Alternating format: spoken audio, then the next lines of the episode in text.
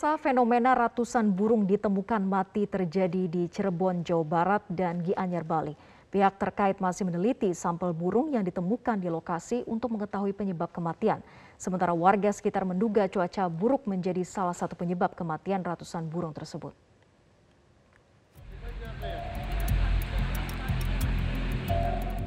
Menindaklanjuti fenomena ribuan burung gereja yang ditemukan jatuh dan mati di halaman parkir Balai Kota Cirebon, Dinas Ketahanan Pangan, Pertanian dan Peternakan Kota Cirebon berkoordinasi dengan UPTD Balai Kesehatan Hewan dan Kesehatan Masyarakat Veteriner melakukan pemeriksaan dan mengambil sampel dari burung yang juga dikerap disebut burung amplet ini.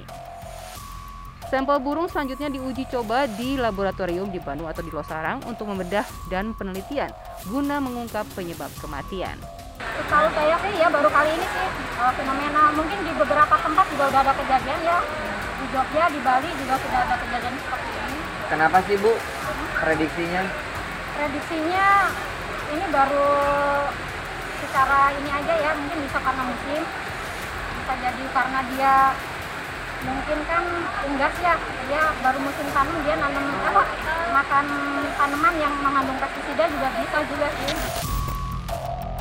Sebelumnya, ribuan burung emprit atau yang kerap disapa burung pipit ini terlihat berjatuhan dan memenuhi halaman parkir Balai Kota Cirebon selasa pagi.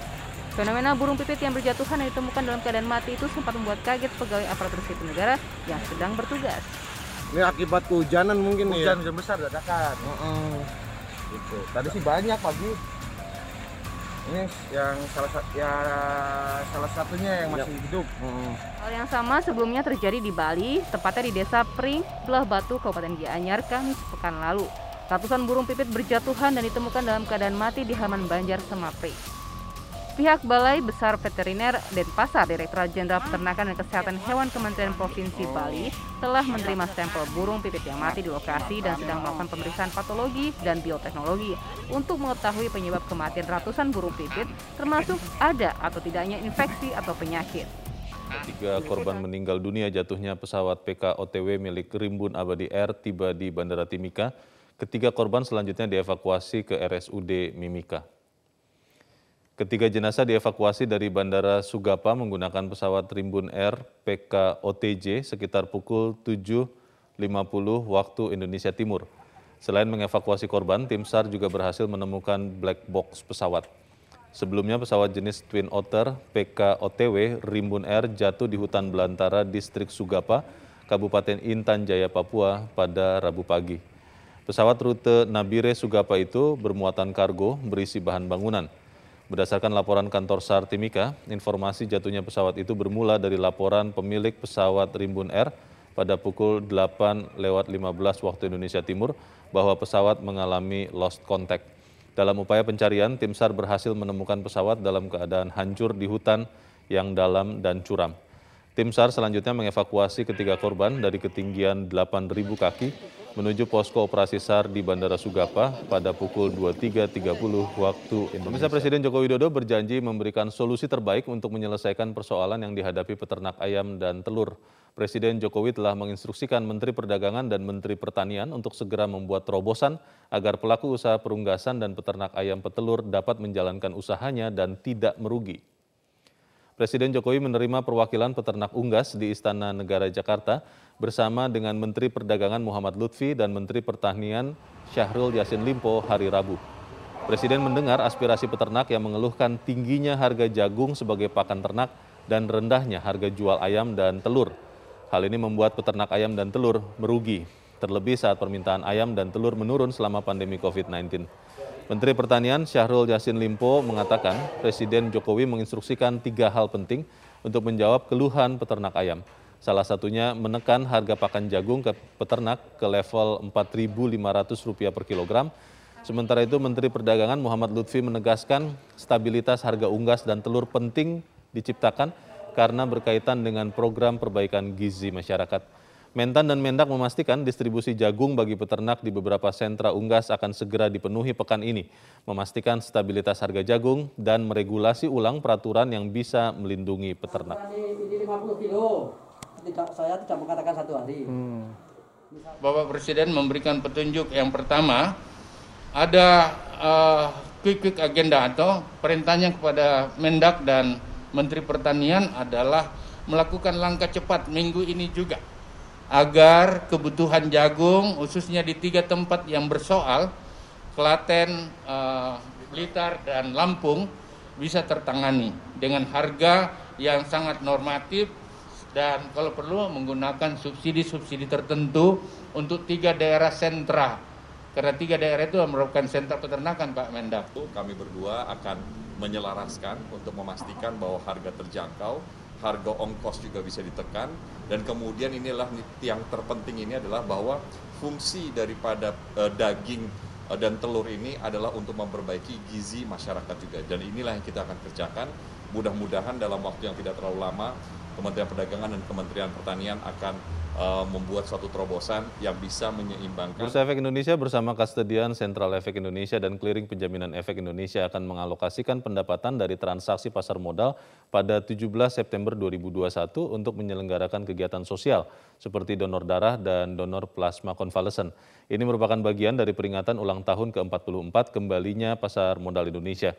Kita simak perbincangan Mercy Wijaya bersama Sekretaris Panitia HUT ke-44 Pasar Modal Indonesia, Rasmi M. Ramyakin. Selengkapnya kita akan membahasnya secara lebih lanjut bersama dengan Sekretaris Hari Ulang Tahun ke-44 Pasar Modal Indonesia, sekaligus Sekretaris Perusahaan, Komunikasi dan Edukasi KSEI, Ibu Rasmi Ramyakin. Ibu Kiki Rasmi, Salam sehat Bu. Salam Kegiatan sehat, apa saja Bu yang akan dilakukan oleh BEI, KSEI, dan KPEI tanggal 17 September mendatang?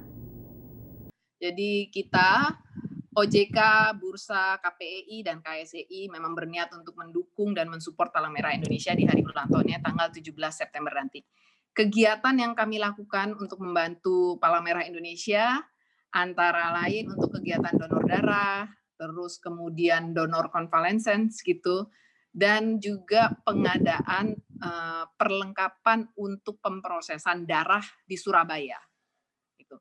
Nah, kegiatan ini memang kita lakukan, terutama donor darah dan donor plasma, itu kita lakukan di beberapa daerah, di beberapa provinsi di Indonesia kebetulan kita pas tanggal 17 itu serentak ya Mbak. Jadi ada di DKI Jakarta, ada di uh, Jawa Tengah gitu, Pangkal Pinang, Kediri, Mataram dan Batam gitu ya, Surabaya, Banjarmasin. Jadi cukup banyak kegiatannya secara serentak kita lakukan uh, di daerah-daerah tersebut pada tanggal 17 sampai 19 September. Lalu apa yang membuat BEI, KSEI, dan KPEI lebih milih mengadakan CSR donor darah dan juga donor plasma konvalesen untuk merayakan hari ulang tahun ke-44 pasar modal ketimbang acara lainnya, Bu? Ya, kita kan sebagai ya, instan ya, instan pasar modal gitu ya, kita balik lagi memang kita ingin uh, membantu pemerintah untuk supaya Indonesia bangkit dari pandemi COVID ini. Jadi di awal kita sudah uh, berdiskusi gitu kira-kira apa sih yang bisa kita bantu gitu ya. Setelah sebelumnya tanggal 9 Agustus kemarin kita mendonasikan seluruh pendapatan kita dari bursa KPI, KSEI gitu untuk emang kegiatan CSR. Kemudian nanti tanggal 17 September kita juga akan mendonasikan seluruh uh, pendapatan kita lagi gitu ya Mbak. Memang untuk kegiatan CSR gitu untuk penanggulangan COVID. Jadi memang pada intinya kita ingin membantu untuk Indonesia supaya bangkit kembali. Lalu bagaimana cara investor maupun masyarakat bisa berpartisipasi dalam kegiatan ini? Oke, jadi gini, selain uh, investor itu juga bisa menyumbangkan darahnya tentu aja ya di beberapa titik di wilayah Jakarta, itu di Jakarta tuh ada Jakarta Utara, Barat, Timur, Selatan, Pusat gitu ya. Investor juga dapat menginvestasikan uh, sebagian dari dananya gitu ya di untuk membeli saham di Bursa Efek Indonesia atau bisa juga untuk membeli uh, reksadana gitu ya. Dengan demikian seluruh pendapatan uh, eh, SRO pada tanggal 17 September itu akan kita sumbangkan. Kemudian investor juga akan memiliki investasi yang insya Allah ke depannya juga bermanfaat gitu ya, baik bagi investor nah, juga bagi Pemirsa tim DVI berhasil mengidentifikasi seluruh jenazah korban kebakaran lapas kelas 1 Tangerang. Hari ini penyerahan jenazah korban kepada keluarga akan dilaksanakan oleh tim Rumah Sakit Polri. Untuk mengetahui informasi selengkapnya kita bergabung bersama reporter Gema Tanjung langsung dari Rumah Sakit Polri. Gema, ada berapa jenazah korban yang akan diserahkan kepada pihak keluarga hari ini? Hari ini akan ada sekitar 13 jenazah yang diserah terimakan kepada pihak keluarga. Serah terima jenazah sendiri akan dibagi menjadi dua sesi, yaitu pada pukul 9 waktu Indonesia Barat ada sekitar 8 jenazah, kemudian pada pukul 13 waktu Indonesia Barat akan ada 5 jenazah yang diserah terimakan kepada pihak keluarga. Dan hingga saat ini pada pukul 10 waktu Indonesia Barat sudah ada tiga jenazah yang sudah diserah terimakan kepada pihak keluarga. Salah satunya adalah atas nama CP Hidayat. Dan serah terima jenazah ini dilakukan di instalasi kedokteran forensik Rumah Sakit Polri, tepat di depan ruang transit jenazah yang sudah menjadi posko postmortem untuk seluruh keluarga korban mendatangi lokasi ini dan juga mengisi sejumlah data yang diperlukan oleh pihak RS Polri sebelum nantinya melakukan proses serah terima jenazah. Pihak keluarga yang datang akan langsung uh, dimintai keterangan dan juga data kepada oleh pihak uh, tim RS Polri kemudian juga nantinya akan langsung diserah terimakan jenazah dari korban dan akan langsung dimasukkan ke dalam ambulans yang sudah disediakan oleh pihak Kemenhumham yaitu ambulans pemasyarakatan. Pihak Kemenhumham sendiri akan memberikan santunan sebesar 30 juta rupiah kepada pihak keluarga dan juga bantuan dana untuk proses pemakaman sejumlah 6 juta uh, rupiah. Tim DVI sendiri pada Rabu kemarin sudah menyatakan telah berhasil mengidentifikasi seluruh korban dengan jumlah 41 korban atas kejadian kebakaran lapas kelas 1 Tangerang sehingga untuk uh, hari ini akan diserah terimakan seluruh jenazah yang sudah bisa diidentifikasi. Tim DVI sendiri juga sudah melakukan proses identifikasi selama 8 hari dari tanggal 8 hingga tanggal 15 September 2021. Dan pada kemarin sudah ada sekitar lebih dari 24 jenazah yang sudah diserah terimakan kepada pihak jenazah sehingga untuk hari ini sekitar ada 13 lagi jenazah yang akan diserah terimakan kepada pihak keluarga. Uh, memang ternyata ya badai pandemi tidak dipungkiri ini turut ya. menghantam sektor usaha ya Jess ya. Betul, tapi ternyata Naila di kota Serang seorang pemilik kafe harus menyiasati agar tetap bisa bertahan di kondisi seperti ini mm-hmm. dengan mengubah konsep kafenya yang biasa berada di tengah kota menjadi di mana nih coba? Di masa pandemi, aktivitas warga di perkotaan hingga saat ini masih dibatasi oleh aturan pemberlakuan pembatasan kegiatan masyarakat. Tidak hanya itu, jumlah pertokoan dan kafe di kota Serang hingga saat ini juga masih banyak yang tutup. Meski begitu, ada salah satu kafe yang berlokasi jauh dari perkotaan, tepatnya di Kampung Salinggara, Kelurahan Sayar, Kecamatan Taktakan, Kota Serang, yang dapat menjadi alternatif warga, khususnya yang berada di sekitar Kota Serang, untuk sekedar ngopi atau menikmati makanan. Di tengah pandemi yang membosankan, kafe ini jadi salah satu obat kejenuhan bagi warga kota Serang.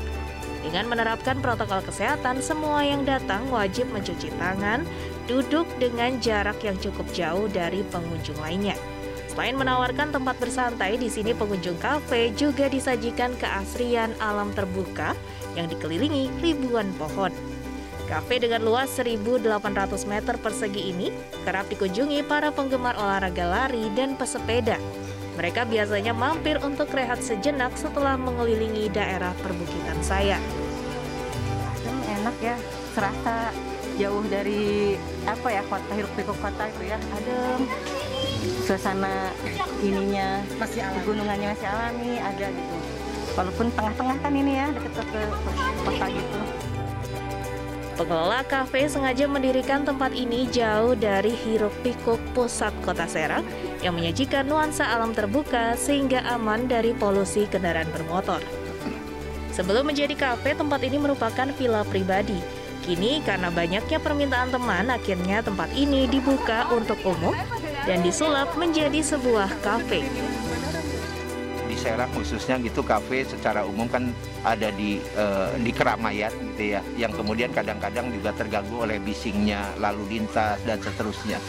Nah kemudian saya agak berpikir bahwa uh, ada banyak orang juga nampaknya gitu yang butuh tempat yang lebih sunyi dalam tanda kutip untuk bisa me menikmati suasana yang lebih uh, private gitu ya. Jadi saya kemudian kepikiran rasanya mungkin saya boleh punya kesempatan untuk bisa mengakomodir uh, keperluan uh, beberapa orang yang mungkin butuh situasi seperti itu. Dengan uh, tempat duduk yang memiliki space yang agak saling berjarak gitu ya. Ini ini komitmen kami sebagai pengelola yang juga tanggung jawab kami secara moral dan secara kewajiban kepada pemerintah untuk sama-sama mendukung namun juga secara ekonomi rasanya ini dengan kondisi pandemi pun rasanya kita harus tetap menggulirkan ekonomi. Jadi secara eh, apa namanya ketentuan prokes kami sedapat mungkin melakukan eh, kewajiban kami sebagai pengusaha untuk menjalankan aturan pemerintah.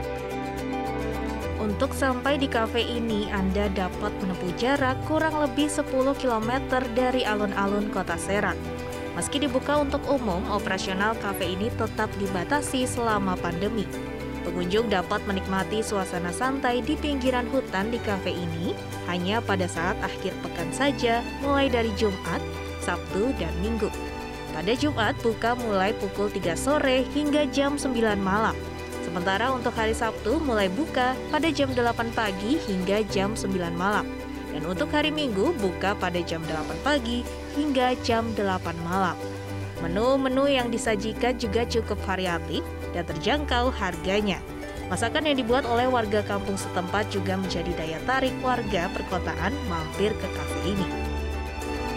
Nah, bagi Anda yang ingin melepas penat dari kesibukan selama bekerja di kota, kafe pinggiran hutan ini bisa menjadi alternatif. Anda dapat menikmati secangkir kopi dan merehatkan badan serta menghirup udara segar di kawasan perbukitan saya.